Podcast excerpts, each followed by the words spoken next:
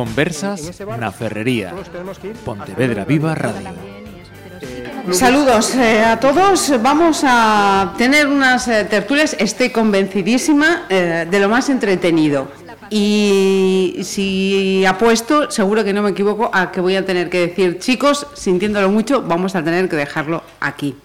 Chicos y chica, porque voy a empezar a presentar a la invitada, invitados de hoy. María Bienpica, bienvenida de nuevo a estos micrófonos. Muchas gracias por invitarme. Eh, tengo que decir además que, que todos eh, estáis aquí de nuevo. Um, por unos u otros programas, e incluso por las conversas, han, ha pasado alguno ya.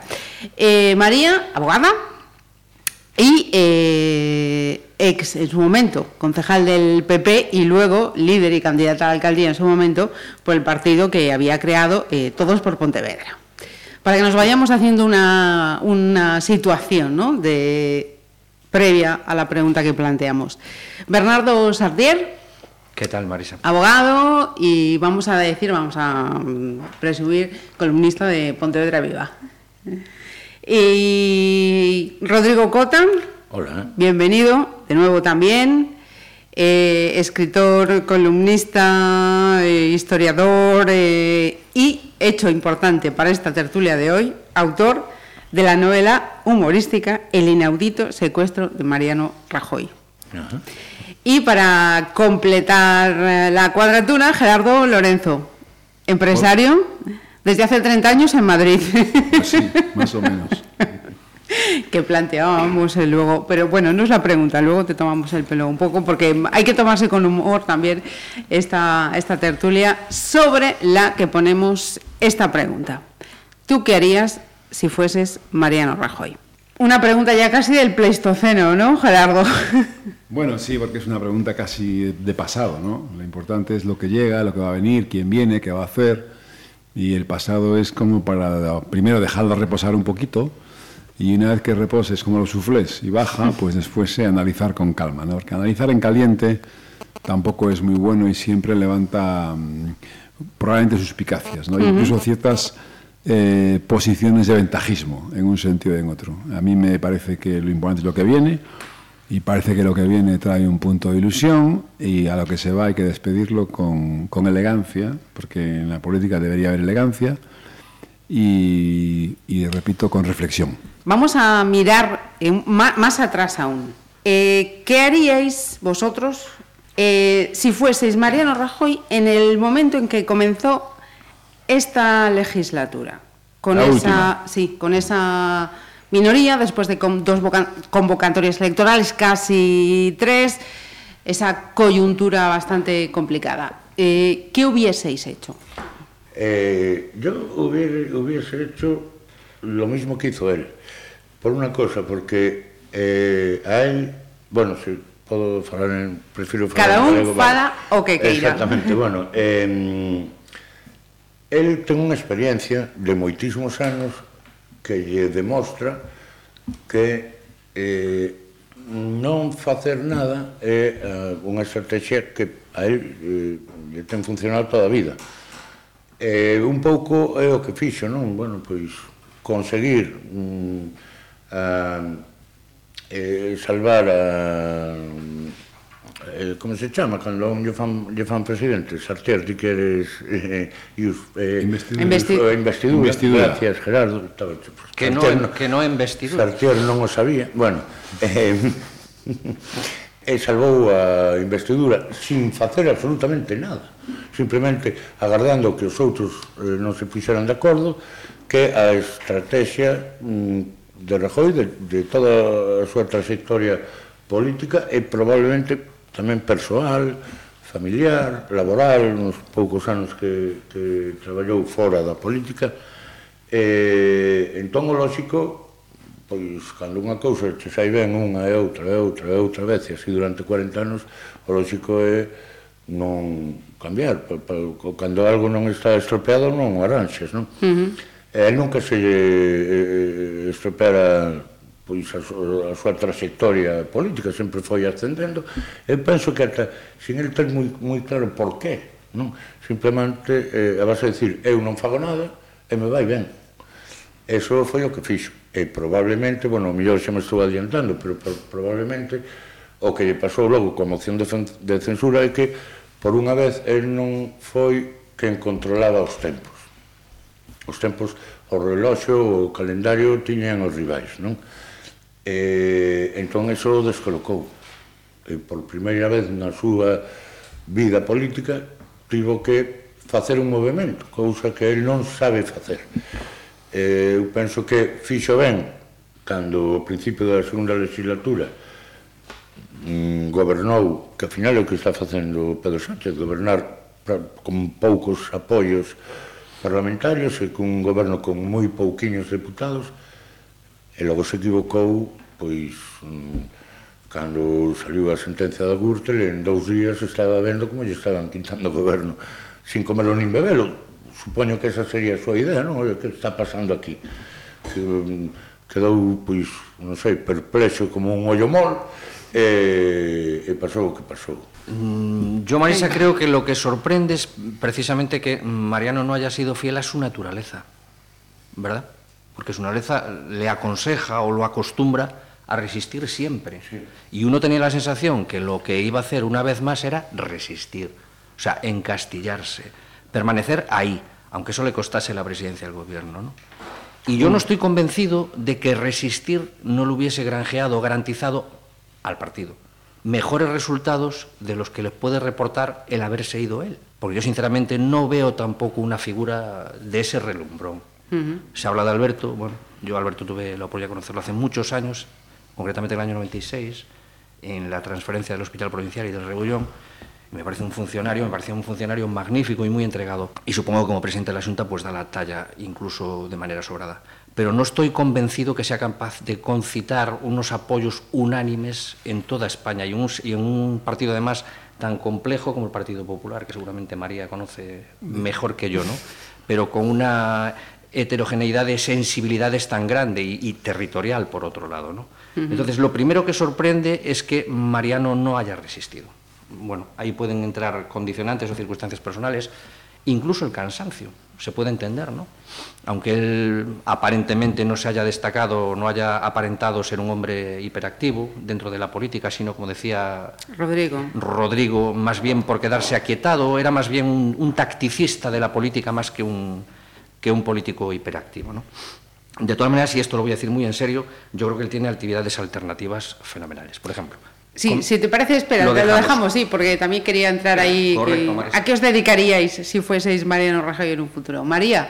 Eh, bueno, yo eh, creo que, que la época que ha vivido Mariano Rajoy en el PP eh, se resume muy, muy fácil. Ayer me preguntaba uno de mis hijos en el desayuno, me decía, bueno, mamá, ¿y qué? Y, y, y ahora todo eso que ha pasado, pero ¿y qué hizo Mariano Rajoy? Y la verdad es que no supe qué contestarle. O sea, en todos los años que lleva presidiendo el Partido Popular, es cierto que desgraciadamente, por lo único que se le va a recordar es por toda la corrupción del partido cosa que no supo eh, erradicar. Creo que efectivamente esa quietud eh, le, ha, le, ha, llevado a esta situación. Eh, hay gente efectivamente que se la valora por lo que hace y otra que se la valora por lo que no hace. Mm.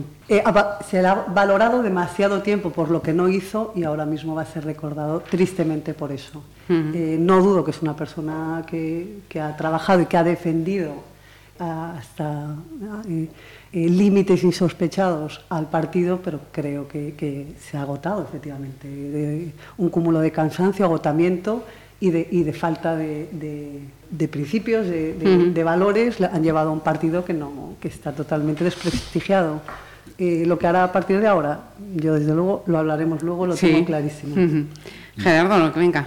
Bueno, yo discrepo un poco en lo que, algo que se dijo aquí, porque en lo de quién puede ser o no candidato y quién tiene o no carisma. ¿no? Yo creo que cuando eres eh, investido por la púrpura cardenalicia, te cambia la cara y te cambia todo. ¿no? Si hace 15 días Pedro Sánchez no era nadie y en tres semanas las encuestas ya están diciendo que gana. Por tanto, aquí Ahí no hay que olvidar que otros candidatos anteriores, también cuando llegaban decían que no iban a dar tal y después funcionaron muy bien. Por tanto, eh, ser, el, el, elegido, cuando entras en la, tanda de los elegidos, todo cambia. ¿no? Yo creo que en muy poquito tiempo Veremos a Pedro Sánchez en la lista de los más guapos de España. En cuanto le pongan un chaqué para una Pascua militar, saldrán los más elegantes. Cuando aparezca hablando francés con Macron y inglés por ahí fuera, aparecerá como los más modernos.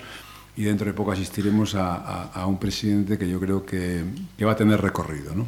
Entonces, no, mm, yo creo que un partido siempre se plantean cuando un cambio de líder, ¿a quién ponemos? ¿A quién ponemos? A cualquiera. Dentro de, no a quien quiera, pero a cualquiera dentro de de una clase que puede dirigir. ¿no? Y, para mí el tema de Pedro Sánchez es definitivo. En el tema de Rajoy, bueno, yo creo que en un momento determinado ha tenido eh, una mayoría absoluta eh, y un mandato que le han dado en España que no le habían dado el poder a ningún presidente como a este, después de la caída de Rodríguez Zapatero. Creo que ningún presidente en la historia de la democracia tuvo el poder que tuvo este PP en la primera etapa y me parece que desde ahí pues eh, ha habido aciertos y errores. ¿no? Y yo creo que uno de los aciertos eh, ha estado en la parte económica, que no ha ido mal, y Europa ha apoyado mucho a países como Irlanda, España, Portugal y Francia, ya han mejorado, mm, pero creo que muy centrados en la economía eh, se han olvidado un poco de la política. ¿no? Estalló el tema de Cataluña, que es un tema que se dejó ir y se dejó ir y se dejó ir, y acabó haciendo una herida importante para el país, con una fractura social que ya veremos cómo acaba. ¿no? Y es un tema que yo creo, que había que haber cortado antes, cuando tenías eh, más poder para hacerlo. ¿no? Y luego, bueno, pues el tema de la sentencia Gürtel y, los casos de corrupción, que duda cabe, que siempre hacen daño a cualquier partido. Y bueno, yo sobre eso no quería hacer tampoco ventajismo, ¿no? Esas cosas eh, pasan y, y, hay que convivir con ellas y saber lidiar, ¿no? En mi opinión, en el primer mandato con todo el poder en absoluto no se hizo lo que había que hacer, eh, todo lo que había que hacer, y en el segundo mandato, que ya tienes un, mandato en minoría, en mi opinión, eh, un presidente debe gobernar para todos, y por tanto, cuando tu partido está en minoría, debes hacer un gobierno plural, que llegue a todos los ciudadanos, que es un poco lo que ha intentado hacer este gobierno que ha llegado ahora. Es cierto que también está en minoría, pero ha hecho un gobierno con gente a la que le habían propuesto puestos importantes el Partido Popular, Ciudadanos o Podemos. Y de hecho hay gente en el gobierno, pues como Marlasca o, o como Nadia Calviño, gente, que Calviño muy importantes, que habían sido tocados por otros partidos. Por tanto, yo creo que gobernar con mayoría absoluta... Mm, es una cosa y cuando se gobierna en minorías cuando hay que contar con todos los demás para gobernar. Y esos son los dos eh, análisis que yo hago, ¿no? Sin ventajismo, porque estamos analizando a todo lo pasado cosas y yo siempre tengo mucho respeto para la clase dirigente, porque estar ahí no es fácil. Sí, pero bueno, eh, yo aquí os he llamado para que nos pusiésemos en, el lugar de, ¿no? Bajo la perspectiva, el prisma de, cada uno. Y sin ponernos excesivamente serios, que la política no se puede tomar en serio. No hay que distenderse, sí. Nos vamos a los últimos días del mes de mayo. Si fueseis eh, Rajoy, ¿hubieseis presentado previamente la división y convocado unas elecciones para evitar todo lo que pasó posteriormente? Sin ninguna duda. Yo sin ninguna duda, vamos sin ninguna duda. Yo creo que la dimisión en la convocatoria de elecciones, que la estaba pidiendo medio partido y toda la sociedad, es una medida que, que habría que haber tomado, pero sin ninguna duda. Eh, Rajoy é un, un personaxe inescrutable. Non é moi difícil eh, dicir se eu fora Rajoy, pero que claro, é que Rajoy non é só é Rajoy. Non hai un tío como el en, todo, en toda a galaxia. É un, un, unha especie de extraterrestre que ten un xeito de facer as cousas, é un xeito de razonalas, de pensalas e de actuar eh, totalmente diferente ao todo o mundo. En todo caso, para poñerse no lugar de Mariano Rajoy, habería que decir que faría calquera outro e todo o contrario deso é o que fai Rajoy. Mm, normalmente sempre sorprende, sempre mata de impaciencia a, a todos os rivais e a todos os xornalistas e a todo o mundo, incluso aos grandes analistas, expertos en Rajoy, non? Pois eses días, por exemplo, a mí fixo moita gracia ler Antón Losada, non? Que, o, bueno, que se ten, e témolo por un dos maiores expertos no marianismo, eh, que andaba totalmente perdido eh, uh -huh. escribía, decía, joder, non sei que está pasando porque eu na miña vida imaginei Eso non é claro, se Antón Losada non é capaz de explicar un movimento de Rajoy cando escribiu todo un tratado de Marianología sobre ese de Marianología, pois imagínate que chou decir eu. Bueno, pero neste caso é, é intuir unha moción de censura que parece que se produce e que no seas ágil o no para cortarla ou no, punto. Claro, yo creo que fue, eh, fue un problema de, de fíjate, de, de arrogancia. Él no se esperaba el resultado de esa moción de, cen- de censura. Hasta el último momento pensó que, que, que no se iba a dar. En el momento en que tú no tienes ningún acercamiento, ni tu partido, a la realidad, a lo que está ocurriendo, a- al, al- al pensar común de, de todos los ciudadanos, es cuando tú piensas que eso es imposible. Eso es, eh, eso es arrogancia. Entonces, eh, eh, creo que hasta se ve en su despedida cuando dice, bueno, lo hago, eh, eh, efectivamente yo creo que debió de haber dimitido, convocado nuevas elecciones y, y- y hubiese sido eh, mucho eh, mejor para todos. A mí en Eh, estas cosas lo que me duele siempre es el lo hago por España y me duele España. No, en su- por eso en su despedida lo hago, de lo España, hago, digo, a ver si- efectivamente, Apelar al patriotismo. Lo A ver hago si por entendemos mí, que España por es el partido todos. y por los Sí. españoles. Claro, es que hasta ahí aquí- fue A ver desafortunado. cuándo entendemos que España Los Dicho, españoles, por los mí, últimos, primero, justo, Disculpa, por el partido, y creo que tamén Es una frase España. arrogante, Así, es una frase. Dixo, dixo eh, é o Desafortunado. mellor para min para o partido, eso tiña moi claro, uh -huh. e creo que tamén para os españoles, que os deixaba en terceiro lugar e non tiña sí, moi claro no, se si era tamén, ou non para os españoles, e tam, creo que tamén. E tamén co hospedar que se va diciendo que lo duele España, pues es que non sei sobre le duele, si es que a casa o, o que España le duele, uh -huh. porque a nosotros a lo mejor nos duele otra España también, y tenemos otra forma de verla. Entonces a mí me molesta mucho eh, que utilicen siempre la nación o como la bandera o como el himno, para un partidismo o, u otro cuando es eh, un sentimiento general y de todos, ¿no? Entonces, Estas son estas coñas que rodean a, unos cuantos coñeros. ¿no? Sí, no, y cabía preguntarse con todo lo que ha caído en ese momento de, no olía nada. De, de, sí. de, Soraya, ¿no? Y, y ese escaño sí. vacío. A mí me pareció, creo que eh, Pero xa esa debió frase, de haberse quedado... Xa esa frase de me duele España é un pouco, claro. como se eu digo, Sí, sí. Dame o fígado. O sea, ¿no? España no le dueles tú. Como si, como si España fora parte de, Sí, do sí, seu claro. organismo. No, como si los demás no me duele España. España. Vamos a ver, me duele España. ¿Qué Pues hay una España que también se alegra, a lo mejor. Eh, a ver, Sartier, Una frase, por otro lado, muy 98ista, porque viene de la generación del 98, aquello de me duele España. ¿no? Por lo tanto, se la está apropiando, ni siquiera los derechos de autor le, le pertenecen. Vamos a ver, mi punto de vista. Yo creo que mm, la huida de Rajoy, ¿no? más que otra cosa, lo que simboliza es un choque generacional.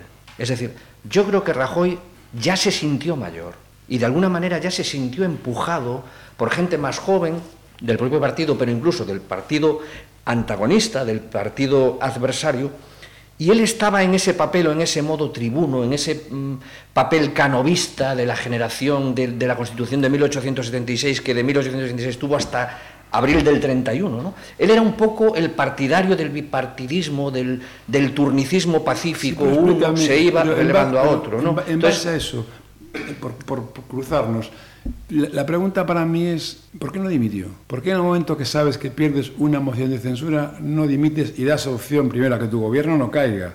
Porque entonces hay una ronda de consultas y medio PP, medio PP parece que quería que se dimitiera, por lo que todos leemos en los periódicos en Madrid, ya no digo todo el PP, digo medio PP. Y segundo, ¿por qué la entrega es tan fácil si tiene tanto duelo España?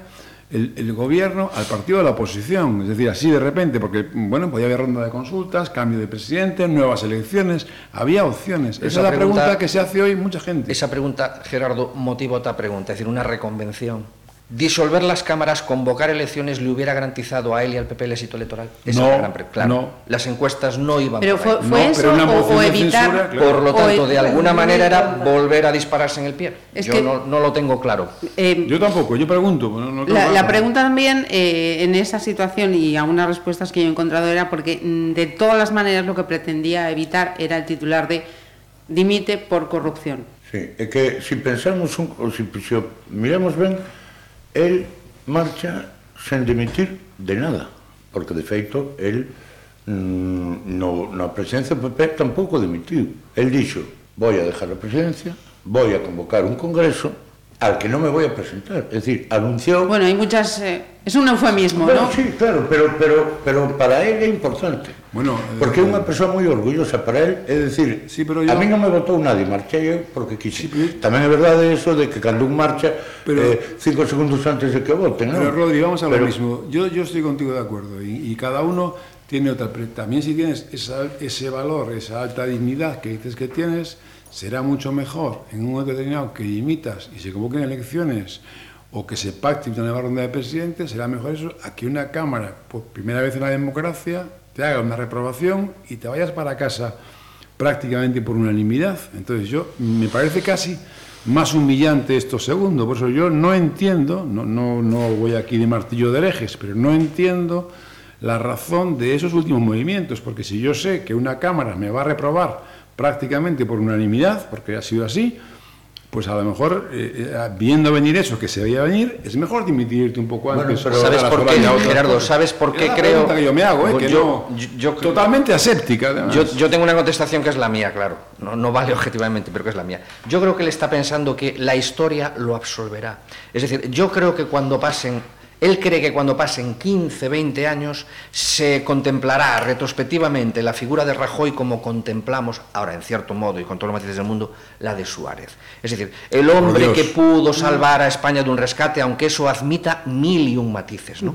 Pero él piensa que va a ser contemplado así con esto. Es decir, que la historia lo va a rescatar y lo va a poner en la peana de los buenos presidentes de este país. creo que eso es lo que él cree. Yo, creo que aquí pues nadie... Está equivocado. Ah, bueno, pienso que está equivocadísimo. Nosotros tampoco estamos estamos diciendo que haya sido un buen o un mal presidente. De hecho, aquí hemos coincidido un poco todos en que la economía ha ido bien, en que hay una serie de logros, pero también... Ha dejado otras áreas de la Es verdad también eh, que... No coincidí en eso, ¿eh? Bueno, no, no. no, no Ahora, yo sí digo que a mí me parece que ha faltado... Yo en parte tampoco. Ha faltado política de Estado, ha faltado... Yo a mi hijo no supe qué decirle. Sensibilidad con Cataluña... Eh, el independentismo hace siete años estaba en el 11% y ahora está en el 50%. Se ha gobernado de espaldas a Cataluña. Se ha llegado a una fractura social que había que haber evitado. Y, en fin, y, hay mucho que, decir. Y luego, bueno, están las sentencias que han salido. Pero efectivamente, ni todo es bueno ni todo es malo. No, no como es la vida, como cualquier realidad humana. Y planteando, haciendo uso de, la retranca gallega, eh, supongo que si, si fuésemos Mariano, eh, quizá muchos vosotros me diréis en vuestro caso, eh, durante esa situación tan crítica, tan excepcional ¿no? en la historia de la democracia eh, española, hubieseis pasado tantas horas en el bar? Eu no. sí, eu sí. e, e, e, probablemente moitas máis. Con respecto porque, a Rodrigo non me cabe a máis mínima dúbida. Porque, que, que vas facer? Ir ali ao, ao Parlamento a ver como te machacan, como te botan a rúa e tal. Mira, vas un bar cos colegas. Eu tamén, eh? Eu e, faría o mesmo. Verdad? E probablemente, pois, se cadra, faz unha chamada gas natural fenosa, a ver se... Si te eh, das de baja no, en esta... Pues mira, yo non, pero non, a verdade, eu penso que, a verdade, eh, Mariano non busca... Vosotros eh, pensáis que... Un Consello de Administración, vosotros... penso que busca eh, estar no Consello de Estado, onde se gana ben, non se fai nada, tens que... unha secretaria que che fai un par de informes o ano, tes chofer, Mira, tes pensáis que el bolso encima da silla foi casualidad ou intencionado? Yo creo que en política non hai nada que sea... Nah, eu penso que, non, vamos a ver, Intencionado. Eu, eu que non son muller, pero que estou eh, a favor da, da, da igualdade non queda outra. Eu se fora muller eu mira eu ando así con isto aquí non? Se si teño lá unha, unha silla vale unha cadeira de valeira poño o bolso ali. No, en ese momento de en, eh, porque ademais la, la, la apoyas en el suelo la apoyas mm, detrás. no, mira, hai un montón de sitios ela no. explicou sí, ela dixo no. ela dixo exacto, exacto, sí, sí, explicou, sí, sí. ela dixo Ensinoume miña nai... Me dijo mi mamá. Que, mi mamá, bueno, que nunca se debe deixar un bolso no chan porque cho poden roubar. Eh, co cual estaba Sobre todo nas no, cortes. Sobre todo en Parlamento. Visto lo visto, lo visto. No hai mejor lugar para roubar algo. Probablemente non sei quen ocupa a cadeira que está ao lado dela, pero mellor, non quero pensar mal, o mellor xa ten roubado algún bolso e la sal, non sei, porque ela dixo, oye, dixo... Quen se sentaba al lado de Soraya? Pois é, eh, presidente, eh, joder. Eh, no, no. Bueno, no, no, digo al outro lado. Esa é a pregunta que hai que facer. Claro. O mellor bueno. aparece un día un vídeo dese, de, dese home ou muller roubando un bolso ou roubando unhas cremas, non sei. Pero se si ela non o deixou no chan por medo que lle roubaran, pois Será que tiña no, medo de que lle roubara o seu, o seu compañeiro. Yo, yo creo que sí que tiene eh, esa razón de ser, es, esa simbología de ese bolso puesto en, el, en, en esa silla en concreto. Es? Y Mariano yo nunca dejaría. No, pero bueno, pero estoy, bueno, estoy, yo estoy aquí. Las mujeres no hacemos nada gratuito, Rodrigo. Gracias, gracias. Nunca. No. Eu é verdad que unha vez puxeches o teu bolso na silla de Jacobo. Sí, fíjate. Pero despois me arrepentí. Por eso te Qué, digo. qué efímera es la gloria humana, ¿verdad? Sí, bueno, efectivamente nadie... eh, eh, eh, Nadie yo creo que permanece, todo el mundo lo sabe. Nadie es Permanece para siempre, ¿no? Nadie es imprescindible. Todos somos prescindibles. Entonces, eh, Soraya se dio cuenta de ese, de ese momento, lo aprovechó, por mucho que diga después que es que si le van a robar o no le van a robar. Y después, volviendo a, la retranca gallega, a lo de Rajoy, fue un momento efectivamente muy triste, pero yo creo que se vio el agotamiento del que hablabas tú, Bernardo, de que no pudo más. O sea, yo creo que os- rompía a llorar o, le daba un ataque de, nervios y por eso se mete en un bar A partir de los 50, yo no sé qué opina Gerardo, que es a esperar lo, lo que Gerardo es como Picasso. Cuando uno es joven, es joven toda la vida. Pero mi experiencia personal es que a partir de los 50 la vida se empina y además se empina enormemente. La vida. La vida. ¿Qué dije? Sí, sí, no, no, sigue, sigue. Sí. Gerardo, La vida se empina No me asustes, no me asustes. Uy, Gerardo, ahora me doy cuenta. No, no, Ahora, ahora reparo. Ahora reparo. antes de entrar Qué aquí, ascensor, Es incorregible, Rodrigo. Incorregible. María Gerardo, bueno. ¿Qué pasa con la vida? Retiro lo dicho. ¿Qué pasa con la vida? La vida se vuelve cuesta arriba. Macho, Para, para evitar equívocos, ¿no?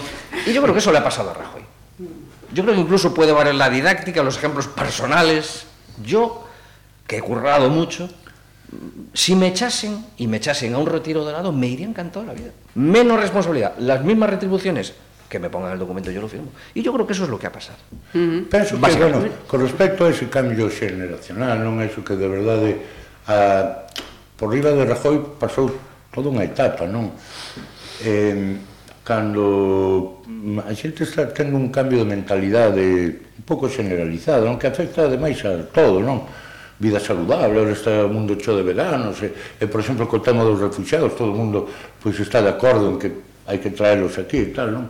E eh, Rajoy, pois, tiña aqueles ministros, non? Todos aqueles novios de la mm, muerte, mm. e, e, e, pois, unha justicia metendo na cadea a xente por, ou, ou xulgando, xulgando a xente por facer un tuit, uh -huh. e todas aquelas cousas mm, que xa están tan pasadas ata de moda. Xa, mira, xa nin siquiera digo que parezcan máis ou menos eh, eh, xustas ou modernas ou non. É que decir que xa son cousas que, que outro día estábamos falando de que eh, o caso de Baltoni, porque ademais a xente decía o primeiro mm, artista eh, encadeado, xulgado e condeado por eh, por as súas letras e por, non, pero que claro, estábamos falando de Suso monte, uh -huh. que no ano 78 estamos falando dunha época moi diferente, cuando menos. diferente, pois foi tamén xulgado condenado, estivo no exilio seis uh -huh. anos e logo, cando eh, voltou, ainda meteron na cadea uns 45 días, desde que final o indultaron xa co goberno de Felipe, non? É dicir, estamos voltando, ou estábamos voltando a esa época que a verdade ninguén, ninguén quere ver, pero que eu penso que tampouco, nin sequera os votantes, os simpatizantes eh, do PP ou a xente de centro, de centro dereita moderada, non? Bueno, entón, entón vamos, que quere que, vamos que, rápido que, todo, que, eh? que alguén o metan na cadea por escribir un tuit que ao final non deixa de ser un chiste de bar con certa repercusión. Eh... Va... Sí, bueno, Bueno. bueno, creo que lo de los tweets a día de hoy es algo más que un chiste, un chiste ¿vale? ¿eh? que se lo digan Ahí. al nuevo ministro. Eh, mira, eh, otra cosilla, Eh, si fueseis eh, Mariano, eh, ¿daríais una respuesta pública, un zasca o callaríais a esa mm, casual, oportuna eh, presencia de eh, Aznar en esos días? Uh, pregunta interesante. Bueno, yo creo que eh, yo creo que Aznar tiene el prestigio de alguien que fue presidente de gobierno ocho años y que ha tenido una, tuvo una primera etapa que fue francamente buena y la gente le votó y una segunda etapa a través a partir de la guerra de Irak y, acontecimientos sociales que llegaron a la boda de su hija y todo aquello que fue una especie como de caída en precipicio, ¿no? Pero hubo un primer Aznar que hay que también valorar como alguien que yo creo que fue válido para este país y que la gente le votó y que sacó mayoría absoluta. Yo creo que las últimas declaraciones de Aznar no fueron en el momento oportuno. Aznar tiene autoridad moral en su partido, que es el PP para hablar, pues que es un fundador, y yo entiendo que a él lo que le debe, lo que le duele es pues que él dejó una derecha que era una legión unida desde eh, todos los partidos en torno al Partido Popular y ahora pues ve que sale Ciudadanos, que sale Vox, que un PP va a la... y todo eso a Aznar de alguna manera le generará desconcierto. Ahora, yo creo que estas últimas declaraciones, las últimas, no eran en ese día cuando había que hacerlas. Eh, una puntualización con eso que acabas de decir, pero también al mismo tiempo eh, las bases de lo que luego se ha ido comiendo Mariano Rajoy, el Agurtel, etcétera, etcétera, bueno, etcétera, porque, etcétera, porque etcétera. hay una, una cosa que yo creo que, que es un error de los partidos en general no, no, y que, que tiene que cambiar y hace mucho tiempo que la gente lo cambia, y es que eh, no se pueden designar los candidatos a dedo. Es decir, ahora estamos con la sucesión del PP. Y se está hablando de primarias y tal, pero ya todo el mundo pone un candidato, quieren solo un candidato, dice un candidato, es que no hay opción para los demás. O sea, Mariano hubo un momento que Esperanza Aguirre le quiso disputar la presidencia y no hubo manera, es decir, y era una presidenta de comunidad. Entonces, esto es un poco lo que le pasa a algunos partidos, ¿no? No, esto no- aquí no critico a las personas, ¿eh? pero el funcionamiento de los partidos, mm, la democracia es muy limitada dentro de un partido. Y un candidato o un presidente tiene todo el poder porque es el que hace las listas de los partidos. Y por tanto no se mueve ni Dios. Eh, eh, eh, claro, pasa lo que pasa y, y- y aquellos, eh, aquellas cosas traen luego todos estos inventos. ¿no? Los, los candidatos tienen que ser elegidos en primarias por los militantes, por mayoría absoluta. Ese es el cambio Y, generacional y que es lo pide que la hay que elegir. claro, y después lo que no- no, y después ya tienen que ser partidos, pues con un organigrama. Pero hoy en día los partidos eh, políticos españoles hay mucha más disciplina que en el ejército, vamos, es que no se mueve ni Dios. Es que ni Dios. Lo ya lo decía Alfonso Guerra hace 30 años, el que se mueva no sale en la foto. No sale la foto. Bueno, a mí me decían que, que efectivamente si me salía del paraguas, decían el paraguas del PP estás muy abrigada, si te sales del paraguas vas a pasar mucho frío. Oye, Aquí estoy. pues calor a gustito, ¿eh? o sea, por lo menos... eh, Yo, dos consideraciones. Primera, tuve que vivir esas experiencias. Perdona, eh, María. Decía que, primero, Aznar, mm, efectivamente, tiene una primera etapa que es la de la convergencia con Europa. Meritorio se salva esa legislatura. Yo creo que luego empieza a dar bandazos, ¿no? Sí. Y que Aznar haya salido mm, secuencialmente, prácticamente esos mismos días, ¿no? Coincidiendo con lo de Rajoy y arrogándose la titularidad del centro, sorprende, porque yo siempre Y creído- poniéndose incluso como yo siempre he creído que Aznar, o siempre me ha parecido, siempre he tenido la sensación de que Aznar estaba más cerca de la ultraderecha o de la derecha conservadurísima que del centro político. ¿no? Me parece sorprendente. Y lo de la disciplina de los partidos, estoy de acuerdo contigo. Siempre queda alguien, tenemos aquí el caso de María, ¿no? que en un momento decidió que se iban. Y yo creo que lo decidió con mucha dignidad, evidentemente. Debió tener un coste importante para ti, incluso coste de oportunidad Sí, futura. a- a día claro. de hoy, a día Pero bueno, yo no esperaba menos, me vas a permitir que lo diga, creo que no voy a revelar ningún secreto aquí, ¿no? Yo no esperaba menos de una exalumna mía del máster de la abogacía, joder. Es que no, no podía esperar menos, más Pero que sí, la, discrepancia y la transgresión. Máster que No hizo, me importa lo que hizo yendo a clase, y, asistiendo. aguantando, justo, y aguantándome. Sí, siempre lo digo, yo, eh, eh, bueno, eh, efectivamente, y lo mío me costaba, y con dos niños pequeños. Lo sé, lo sé. ¿Cómo ha dolido socialmente todo esto del máster de Cifuentes? eh? ¿Qué daño ha hecho en las Sí. familias y en la gente? Y un cierto desperdicio genético. Hay cosas que, más allá del tema político, el daño moral y el daño personal a toda esa gente que hace un máster, a todas esas familias que hacen un esfuerzo por, por hacerlo.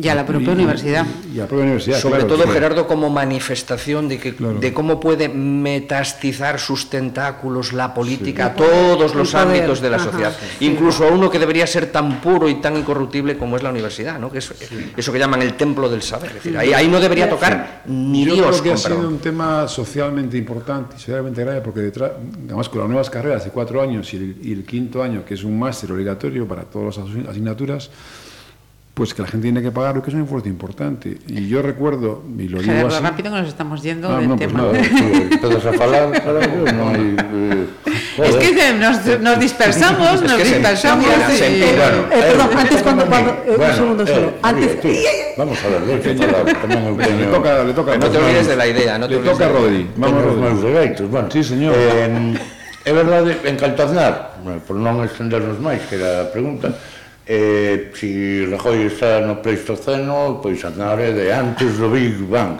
É dicir, xa, o que sei, ese é un, a mí me parece un personaxe grotesco, ademais, que pois, con eses abdominales, esa melena que ten agora e tal, pois non sei, un, un, un tipo con moitos complexos, penso eu, eh?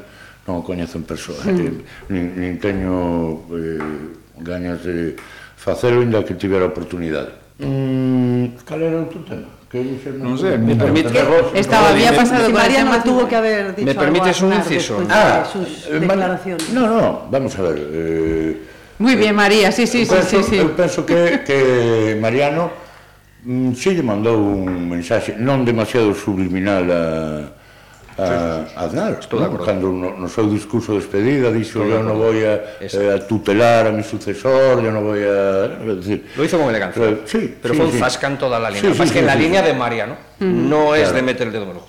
Y si acaso mete el dedo en el ojo pero se pone algo me, eh, embute el dedo en algo ¿no? uh mm-hmm. -huh. Y cambio de, de vida, eso de, de dejar la Moncloa, eh, en volver a su vivienda en la urbanización de, de Aravaca, he leído yo que incluso ha ganado un espacio. Mm, ¿Vosotros eh, también os sentiríais más cómodos en Aravaca que en Moncloa? Eu non, eu sentiríame moi, moitísimo máis cómodo na Moncloa. Tamén é verdade que... Te veo, bueno, te veo, Rodrigo. Estaría o tempo xusto pois para bueno. saquear as arcas, comprarme unha illa no Pacífico e desaparecer. Pero bueno, eh, claro, eh, supoño que a unha persoa como Rajoy non lle compensa esa eh, pérdida de comodidade, non? O mellor pois estará máis cómodo e máis terá máis intimidade na súa nova vivenda, Bueno, que, que non é nueva, ya la tenía. Bueno, sí, vamos, na súa... Sí, hace bueno, sí. 20 años, sí. 15 20 2003, años. 2003, sí. me parece, sí. Eh, se sentirá máis cómodo no. ali eh, eh, que na que na Moncloa, pero claro, que él non estaba na Moncloa porque sí, uh -huh. porque, bueno, un pouco chegou ali sin saber moi ben como, pero unha vez que saliu, penso que cando tocas terciopelo, eh, aprecias o suave tacto do da Seda ou do terciopelo, pois é moi difícil logo mm. baixarse. Decía Fernández Flores que iso é algo que el, el o decía referíndose aos comunistas, pero penso que pode decirse de calquera, non? El decía, eh, dalle a un comunista unha botella de champán e verás como o seu corazón salta máis lonxe que o corcho. Eu penso que iso é verdade, que iso lle pasa a, a todos que tocan poder, Eh, Fíjate eh, que ahora mismo tengo un nombre y, y, un, y, una vivienda en la cabeza. ¿Qué es? Pablo. Claro, claro, por exemplo, non? Pero que Pablo Iglesias? Pablo Iglesias, claro, non? É dicir, pois... Eh, Con a comparativa que hacía. El, el de los muy chaleteros. Bueno, claro, yo, eh... Yo, yo con respecto... Ah, con respecto Pero hablamos, no, hablamos, Moncloa... vamos a ver, yo, yo lo que ah, entiendo... Yo entiendo que, en, que cuando tú llegas a la presidencia a cualquier presidencia, a cualquier presidencia, pero mucho más al gobierno, Se te pone cara de presidente. no cabe duda que vives una vida con una intensidad de 24 horas tremenda y con una agenda tremenda y con una- un apasionamiento tremendo de todo, ¿no? Y es muy posible que en el momento que te vayas, es posible que en este momento que habláis de hartazgo, que es posible que lo haya habido, y es posible que hasta un primer momento digas, uff, qué alivio que dejo todo esto. Eso es posible. Sin Pero yo, yo lo que no tengo ninguna duda es que al poco tiempo de irte te queda un vacío importantísimo, que no hay Dios que lo llene y eso te lo confiesa a solas todo el mundo. O sea, tu teléfono deja de llamar, no se te ponen... A mí me contaba un día un... me contaba Pío Cabanillas padre, siendo él ya ministro y yo poco más que adolescente, me contaba una anécdota y me decía que un día Fraga, cuando lo habían cesado de ministro de Información, empezó a llamar en el ABC, había hecho un artículo complicado, y empezó a llamar a la redacción y no se le ponía a nadie. Se le ponía, que se ponga el director, que- no está. Él dice, su director, que no está. Y al final se le puso un becario, un linotipista, y Fraga le ha hecho una bronca terrible por el artículo. Entonces, eh, cuando tú dejas el poder y cuando tú dejas el, el machito y la púrpura cardenalicia, de repente se produce un vacío muy importante y es una condición del ser humano, le ha pasado a todo el mundo y luego, más pronto que tarde, todo el mundo lo ha reconocido. Eso no quita que en el momento que te vas digas, bueno, me quito un peso de encima, voy a pasear o voy a escribir mis memorias o voy a no sé qué, pero luego el vacío queda eh, hasta las presidencias de los clubes. Florentino Pérez dejó el Madrid y tuvo que volver, no vivía sin el Madrid, o sea, que hay un vacío porque a la gente le gusta la púrpura, hombre, claro, si no nadie querría ser cardenal. ¿Nos estás dejando caer alguna titular o algo así? No, no, no, no, es una Ah, condición ah, humana. ah, Yo, por ah, ejemplo, yo, por ejemplo, empecé por ahí. Yo creo que Pedro Sánchez cambia muchísimo como presidente del gobierno y como candidato. Pedro Sánchez en la Pascua Militar de Chaqué saldrá entre los más atractivos de España, entre los Bueno, más valorados, ¿no? entre los tal. Chaval con su discurso, es decir, que, pero, pero cuando te ponen la púrpura, la gente te empieza a valorar, es así la, la historia, ¿no? Y ha pasado con presidentes que en la oposición tenían una valoración de un 2,5 y de repente llegan a la presidencia y si eran, coño, importantes. O sea, eh, Te criticaban porque te callabas y de repente era la importancia de tus silencios. Aquí todo se escribe como se escribe. La historia, no os olvidéis de que la historia la escriben los vencedores. Bueno, bueno. Y una parte con, de la historia. Con 63 años eh, cumplidos, que haríais vosotros? Eu, bueno, eh, estou escribindo unha novela sobre eso, Eh, no, no quise decirlo yo, digo, bueno, se lo dice, no, adelante. A segunda parte da miña novela sobre Rajoy, eh, na que eu, pois, eh, lle monto unha historia de ficción eh, do que el, pois, fará en diante, pero, bueno, como eso é ficción, eu penso que na realidade o que vai facer, porque ele sempre foi un home propicio á comodidade, non?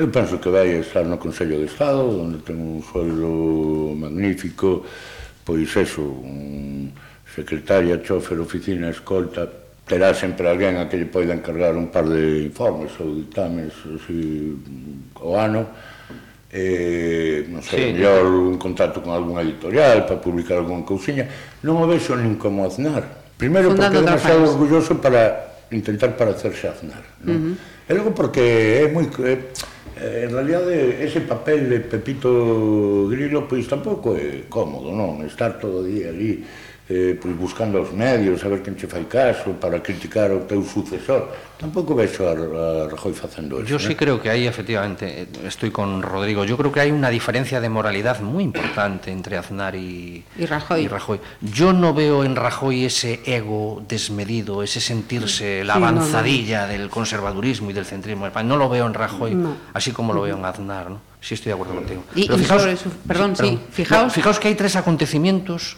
que pueden ser eh, simbólicos, pero que marcan un poco el perfil de Mariano. Un helicóptero, una colleja y una hostia.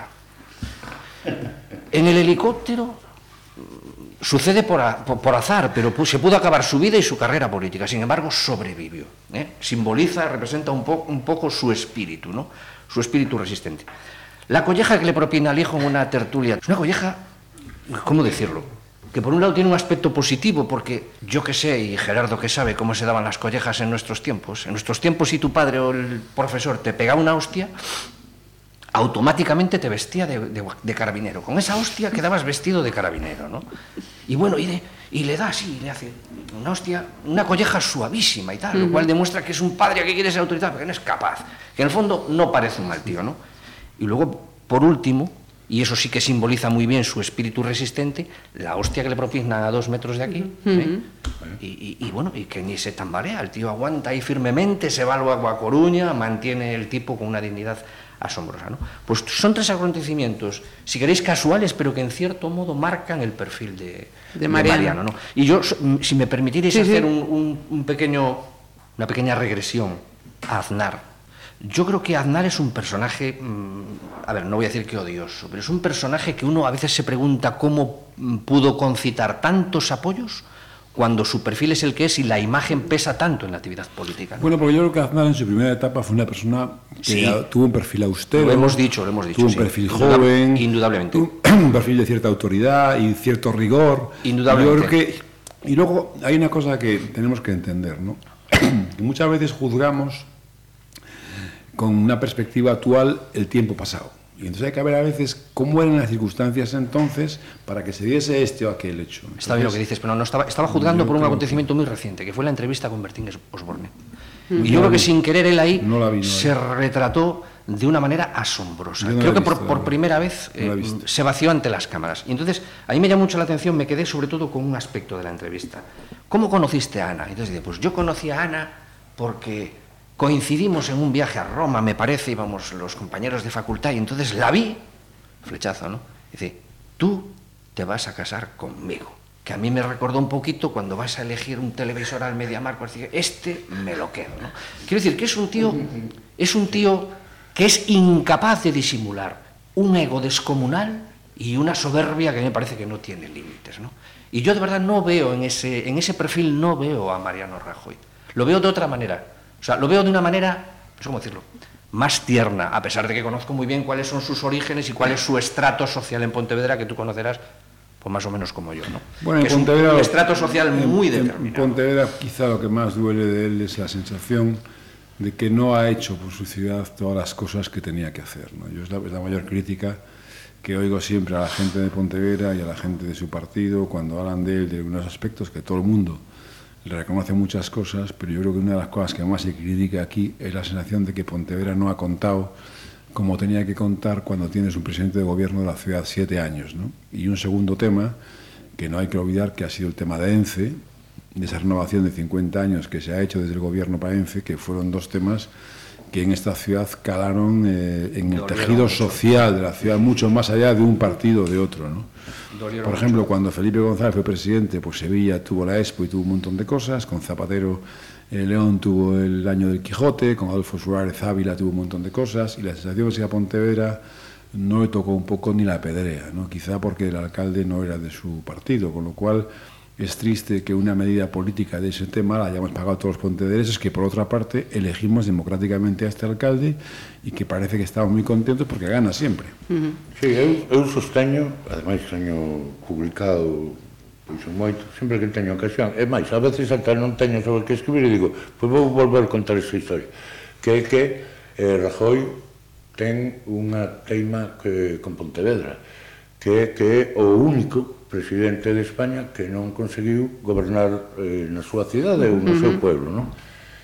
E eu penso que ese desdén de Rajoy eh, cara a Pontevedra, porque claro, se nos ponemos a contar en todas as visitas oficiais que ten feito Rajoy como presidente a cidades, capitais de, de, de, de, de calquer punto do Estado, e nunca a Pontevedra, nunca. Uh -huh. Eso é, eh, eu estou convencido de que ese, eh, esa é a súa vinganza por non, por, ese hecho, por non, coincidir un goberno de Mariano cun goberno do PP en Pontevedra. Uh -huh. Eh, e, eh, e a súa reacción, en lugar de decir, bueno, en primeiro lugar, é a miña cidade, pues, todo, ninguén, mmm, todo mundo dan por amortizado que un presidente ten que facer algo por a súa uh -huh. cidade, porque o fixeron todos menos ele. Eso en primeiro lugar.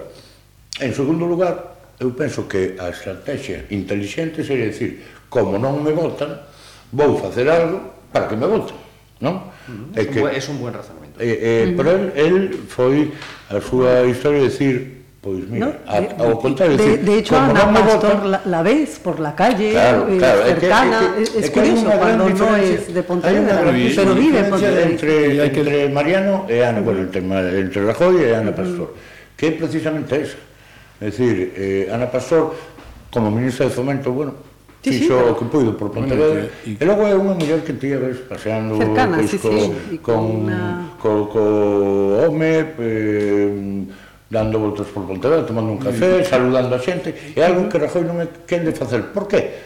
Por que? Porque el quere que a Pontevedra porque o alcalde é López Sí, claro, eu, eu, eu non me cabe Pero, sin embargo, hai, hai, hai que decir varias cosas. Primero, Lores es alcalde porque lo votan los ciudadanos. Segundo, claro. Lores es un alcalde muy votado que se le han puesto enfrente candidatos importantes y que siempre han perdido, porque a Lores le vota mucha gente de Pontevedra que no es de ese partido y le vota porque Miguel Lores y en su equipo de gobierno o en, su forma de ciudad a, a mayor parte de la gente le gusta.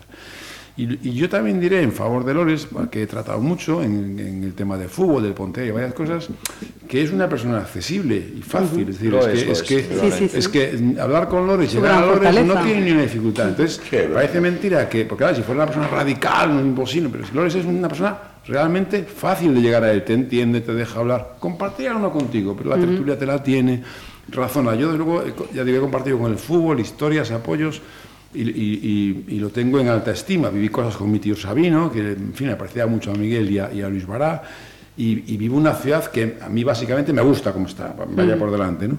Entonces, claro, todavía se entiende menos que cuando aquí se ha hecho un modelo de ciudad que ha sido votado siempre por los ciudadanos para que siga ese modelo de ciudad, que desde el gobierno central, que hace 30 años le concedieron a Pontevedra el primer plan urban, no nos olvidemos, uh -huh. que fue en tiempos de Juan Luis Pedrosa, y que no se siga eh, apostando por Pontevedra, circunvalaciones, actos culturales determinados, etc. Es que, siendo Pío Cabanillas padre, padre, ministro de Cultura, a Pontevedra le caía la Semana Internacional del Disco, con conciertos en el pabellón todas las semanas, pagados por el Ministerio de Cultura, o sea, caían muchas cosas. Y la sensación que hay en la ciudad, y eso te lo dicen sobre todo los, los, sus votantes o militantes, que es lo que, lo que más te transmiten, es que por esta ciudad en estos años no se han hecho cosas como, como otros presidentes hicieron por su, por su patria chica y como cualquiera de nosotros haríamos por nuestro pueblo. Yo recuerdo cuando estaba presidente de Pontevedra que tenía especial sensibilidad cuando de algún pueblo que estuviera vinculado conmigo, por ejemplo la isla de Arosadal, me venían a pedir un partido amistoso, es que intentaba que el equipo fuera por encima de todo, porque tenía gratitud a aquella gente, ¿no? Creo que precisamente por esa trayectoria de la que hablas, que, que eh, esa, eh, ese alejamiento con la ciudad de Pontevedra que tuvo Mariano Rajoy, creo que lo que debería de hacer a partir de ahora es, eh, también tirando de retranca gallega, y son dos cosas, dos únicas cosas. O desaparecer del mapa, con lo cual yo creo que sería la única manera de que a la gente nos interese un poco de que, qué pasa con Mariano Rajoy, desaparecer absolutamente, o eh, hacerse un cambio de sexo. Eh, ¿Por qué? Porque me parece la única manera la única manera de que a lo mejor pueda volver a aportar algo eh, eh, eh, presentándose concejal por su ciudad, eh, eh, me parece mucho más bonito el nombre de Mariana que de Mariano, eh, un montón de cosas, creo que es el momento de las mujeres, el, el, la ha quedado claro con el bolso de Soraya, eh, efectivamente eh, ha perdido una oportunidad maravillosa de, de, de, de que los ciudadanos tengamos... Bueno, eu solamente a... apuntar unha cousa, non concordo con que Mariano teña que cambiar de sexo, se non quere, María tampouco é... Ya non tiene a Mariano, no, no, no, evidentemente... Yo, Eh, tampoco. A ver, los mayores también tienen derecho a su sexualidad. ¿eh? Bueno, no, no era el objeto. Mira, no, no, no, viste la serie Transparente. Pero este la recomiendo. No, era el objeto de la tertulia. Mira, y eh, si fuerais el eh, este verano cambiaríais de costumbres? ¿Volveríais a dejaros ver por San Senso? ¿Os alejaríais más a Ribadumia? ¿Vendríais a Pontevedra para que se os vea? ¿O es decir, que, bueno, mira, es que una tristemente, vez que... tristemente, da igual. Ya da igual. Ya es tarde. Ya da igual.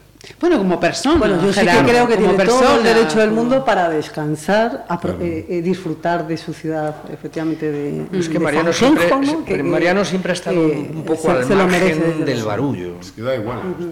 Porque vosotros sois muy jóvenes, Gerardo quizá lo recuerde. Mariano, bueno, era, era la época del, del Casiano y del Alejos, de la época fuerte del Casiano y del Alejos, y él ya estaba aparte. De cierto modo ya voluntariamente se había autosegregado del mundo circundante. Tenía, vamos, eso no es reprochable, pero tenía su cámara o su camarilla, ¿no? Muchos de los cuales continuaron con él posteriormente. Yo- no es un reproche en absoluto, pero no estaba, digamos, en la base de la pirámide, estaba ya en la cúspide de la pirámide, eso lo recordamos perfectamente. Bueno, yo no- yo aquel no- Volvo, aquel cochazo grande que tenía una antena atrás, que ya tenía un pequeño televisor dentro. Bueno, ¿no? yo, yo- yo ahí Te no- impresionaba. Yo no, yo no estoy de acuerdo contigo. Yo creo que eh, en Pontevedra todos hemos compartido, eh, pues los de ahora Carabás, antes Daniel, eh, las copas en Alejos o las copas en, en ese sentido Mariano y todo su equipo de gente y los que han sido o, amigos y conocidos, pues han circulado siempre por la ciudad en los toros, en un montón de cosas. Sin ningún problema. Uy, pasa que hay gente que es más de fiesta no, o menos de fiesta, pero la gente forma parte de la No, ciudad. Pontevedra es una ciudad muy elitista en el fondo. Pero también es una Pero, forma. ese- pero es otro También lo debate, es no, pero vamos a ver, ese es otro debate y es otro tema, pero lo que yo, lo que yo, lo que yo desde luego, en fin, y he tenido ahí amigos y muchos amigos comunes y he estado cerca un tiempo y conozco todo eso, y sí creo que la gente ha estado siempre por el medio, o sea, de, de la ciudad. Y creo que eso en, en cualquier caso no justifica el que tú hagas o no cosas por tu ciudad, eso es un sentimiento. Hacer cosas por Pontevedra, como lo fue para Felipe, hacerlas por Sevilla es un sentimiento, es algo que te apetece, que te hará sentir orgulloso, que te hará eh, eh, eh, en fin, eh, te gustará el cariño de tu gente. Ya son cosas tan personales que yo no las quiero juzgar, pero luego con los pontevereses, la sensación cuando, entre comillas, te toca un presidente de gobierno es que esperas que toque un poquito más de lotería que la pedrea. Quiero decir, a eso me refiero un poco. Pontevedra lleva muchos años no estando. Y, Eu, y eu ahora... concordo, eu concordo en, en boa medida con, con Sartier, eh? É verdade que, claro, Pontevedra é pequena, somos catro, coñecémonos todos, e É verdade, claro, que pois se ti te moves por Pontevedra, pois lóxicamente tes catro sitios aos que ir, non? Ou tes oito, pero se vas a un catro, normalmente non vas aos outros catro. E é verdade, sí, que Rajoy sempre pertenceu a esa certa élite Indudable. que ten mm, varias cousas en común, non? De feito, el por aquela época escribía aqueles artigos no Faro de Vigo no que Eh, eh, reivindicaba as élites, incluso que en Pontevedra non hai élites, habrá por, un, por unha pero que élites era? Genética, non? Cuáles son as élites? Habrá provincianismo, bueno, habrá, pero, pero, gente de casino provinciano, pero élite, la élite é outra cosa. Bueno, pero déxame decir o que quero. Es que la élite é outra cosa, eh, eh caballo de élite. Bueno, pero eh, eu quero decir o Yo todos estos digo, hostia, bueno. toda esa tropa la élite, pero élite de que? De, de, de, casino provinciano. Es que, vamos, la hay clases y clases, que cosa, se decía en mi pueblo, ¿no? Bueno, hay clases hay quien entende, hai Hay quien entende que, que, que en Pontevedra hay clases. E hai quen sigue mantendo Ai. que clases e Rajoy é un deles, non? Hai, hai unha serie de cousas, ademais, que caracterizan a, a, a bueno, a esa mm, xente que sí, sigue señor, pensando... unha serie de símbolos que, que tamén símbolo, Por exemplo, ese empeño en non aprender a decir Sanxenxo, por exemplo, non? É dicir, unha persoa que veranea ali, unha persoa cando xa hai un, pois, un acordo prácticamente unánime de que os topónimos, unha cousa que un, como está acostumbrado a decirlo de outro xeito, pois lle saia naturalmente decir Sanjenjo. Pero cando ti xa tes un, un, un cargo público, non? Ese guiño que é decir, mira, eu me vou empeñar en presumir de non falar galego Bueno, non sei. É que esa eh, casi non sale Sanjenjo, o sea, parece que, que, que yo, incorrecto. Entón, eso de el carballino, yo quero Genjo, xa é un, unha cousa, unha, un xeito de decir, eu son casi eu unha provocación, corriga, casi unha sí, provocación. Eu sou por riba do ben e do mal e eu non vou aprender a aprender a decir en galego ni siquiera o nome do sitio onde eu veraneo. Eso a mí, e logo unha serie de, de actitudes, non? Eh, ti nunca, eu nunca vin a Rajoy, nin nos tempos en que de Casiano, de lejos, tal, eu nunca vin, pois non sei, tomando No. unha caña, un viño na verdura. No, pues sí, El sí estaba, sí Xuntábase a onde, co, con, con que se xuntaba e No, en, los de- había otra gente, Gerardo. Eso sin duda. Por exemplo, claro. Otra, Mira, totalmente y, diferente. Y apuntando una cosa que sí ha dejado entrever eh, Gerardo, eh, ahora que ya mm, en el mes que viene ya no tendrá ninguna responsabilidad, ningún cargo ni nada, ni nada, esa gente que le rodeaba, aquí vamos a hablar aquí en el plano más cercano, ¿va a sentir ese vacío? Bueno, yo no lo sé. Yo, yo no lo sé. Yo lo que entiendo es que cuando tú cesas de una actividad de tanta intensidad, primero tienes un periodo de reflexión, un periodo de reposo, un periodo de vacaciones. Vacío me refiero a esas personas que Sí, le bueno, rodeaban. claro, ¿eh? es que todo el mundo que aquí está... en el ámbito que estamos Vamos, aquí ya, vamos a ver, aquí mucha gente, eh, aquí todos los profesionales cambian el periscopio al cuarto de hora, es decir, aquí uno te diste la vuelta y eres vilmente acuchillado, pero, no, pero en la presidencia del gobierno, en la presidencia de Pontevedra, en la alcaldía de donde estás, te das la vuelta, yo, vamos... Pedro eh, Sánchez eh, era un inútil yo, y a, yo a he sido 24 horas era un tío con yo he sido futuro. presidente del club de esta ciudad con más o menos cariño y, y el día que me fui, o sea, el día que llegué eh, tenía que llevar todas las felicitaciones en una carretilla y el día que me fui me sobraba la billetera. Y al llegar a casa me pasé la tarde sacándome puñales y no, no daba terminado de sacar puñales toda la tarde. Esto le ocurre a cualquiera que se vaya, ¿no? Bueno, a partir de ahí viene, un periodo profesional, ya veremos cuál es. eh, eh, casi todo el mundo tiene unas memorias, la gente descansa, aprovecha para viajar, en fin, lo que, lo que hace cualquiera cuando cesa un puesto de actividad y después, como todo el mundo, cuando pasa unos años, jugar a la bolsa, que es que en tu casa te dicen, véteme a comprar esto y tráeme esto del súper en una bolsa. Y, y el mundo está lleno de ejecutivos que están comprando en el súper en la bolsa cada mañana porque se han jubilado. La vida misma irá viniendo como, como, como, como a todos los ciudadanos de España. Yo Mi- mantengo, mi por ejemplo, perdón, María, perdón. No, yo mantengo que, por ejemplo, una de las claves del éxito, no estoy tampoco de acuerdo en que sea un éxito completo, porque Lores lo vota todo el mundo. Bueno, no es exactamente así. Lo vota una parte de la sociedad pontevedresa, eso hay que tenerlo también en cuenta, ¿no?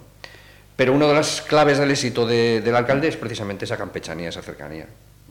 O sea, pasas por la cuña, sales a tomar un café y te lo encuentras con eh, tres personas delante y él haciendo cola para coger pan. Bueno, pues oye, es, es, es sintomático, Bueno, y, y- por y lo una- menos. perdona, y que Lore es una persona que en su, él demuestra que le quiere a Pontevedra, que lucha por Pontevedra, cree en un modelo de ciudad, se pelea por un modelo de ciudad, se ha peleado por sacar adelante su club de fútbol en momentos difíciles, se ha peleado por traer aquí acontecimientos internacionales de tipo deportivo y oye, se podrá estar de acuerdo o no con su ideología, que yo en eso no, no, entro ahora mismo, pero que ha hecho un montón de cosas por su ciudad y que por eso sus, sus ciudadanos le votan y le quieren. Si es que esto es muy sencillo. E además, penso que sobre eso non hai non hai discusión, non? Mm. En canto María, aos... te hueco que si no non ah, metes baza. Si non, agora agora María cedoche eh, a palabra.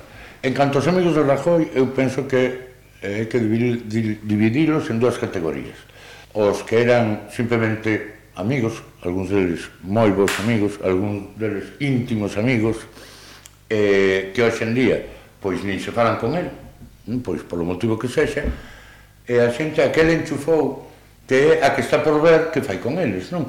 Os que pois están ocupando cargos de confianza que cesan no momento en que cesa a persoa que os nomeou, non?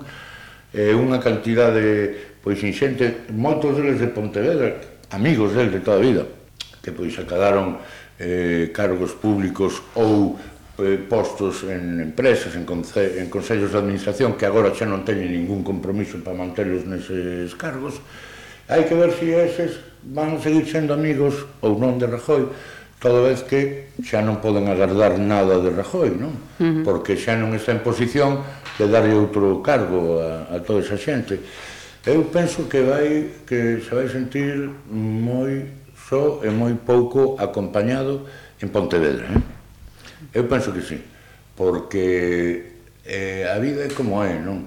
Se a mí me fan presidente dunha empresa pública, por exemplo, non? E me teñen aí durante 10 anos ganando un sueldazo apabullante, ao final, cando o pobre que... Bueno, o pobre, cando a persoa que me nomeou vai á rúa, in, directa ou indirectamente, eu penso que eu tamén vou á rúa pola súa culpa. Uh -huh. Non? Porque como te votan a ti, eu agora que quedo sin chollo.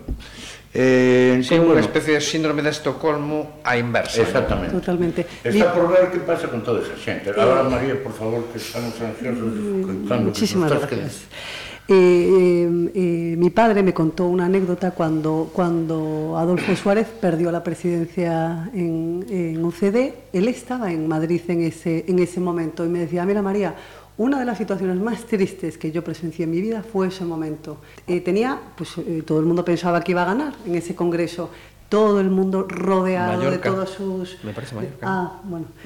Siempre tuve mala memoria para los sitios y para los nombres. Y bueno, en cuanto nos salió, la soledad de, de- de Suárez fue pasmosa. Y mi padre siempre lo recuerda y dice, María, la política es muy desagradecida. Entonces tú lo que tienes que hacer, eres un servidor público, hacer todo por, por los ciudadanos. Punto. Olvídate del, de poder. Puedes, y efectivamente Al- a Mariano final- Rajoy le va a pasar eso. Al final concluimos en que los amigos, bueno, ya el instituto de la amistad, ¿no? Así considerado, decía el, el clásico, los amigos se cuentan con los dedos de una mano, coma, pero de la mano de un manco, ¿no? Y en cierto modo es verdad, imaginar los amigos de un político. Yo creo que podríamos diferenciarlos en dos categorías, los advenedizos y los advenedizos.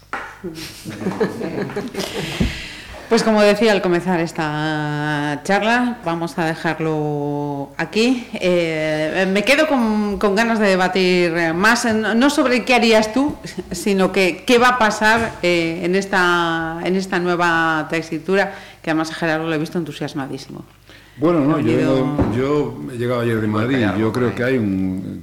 Siempre que hay un cambio, hay un golpe de ilusión. Y yo creo que hay que reconocer que Pedro Sánchez ha sorprendido a todo el mundo con su gobierno. mm, Que, y, que hay en este momento una iniciativa y una ilusión nueva que, que a este país le venía bien. ¿no? Yo creo además, sinceramente, que a medio plazo esto va a ser muy bueno para el PSOE y va a ser muy bueno para el PP porque el PSOE va a crecer y el PP, en la medida que tenga tiempo para regenerarse, que lo va a tener, volverá a ser un partido fuerte y sólido, porque es un partido Pues- importante. Y un PP y un PSOE importantes son necesarios para un país como España. ¿eh? O sea que yo creo que esto a medio plazo va a ser bueno para todos. Yo estoy contento, muy contento. Pues eh, si os parece bien, no sé vuestras agendas eh, a finales de julio, mm, pero pasado ese congreso, si os parece, volvemos a hablar Ahí quedamos. Muchísimas gracias. Gracias. Muchas gracias, Marisa. Conversas na Ferrería. Pontevedra Viva Radio.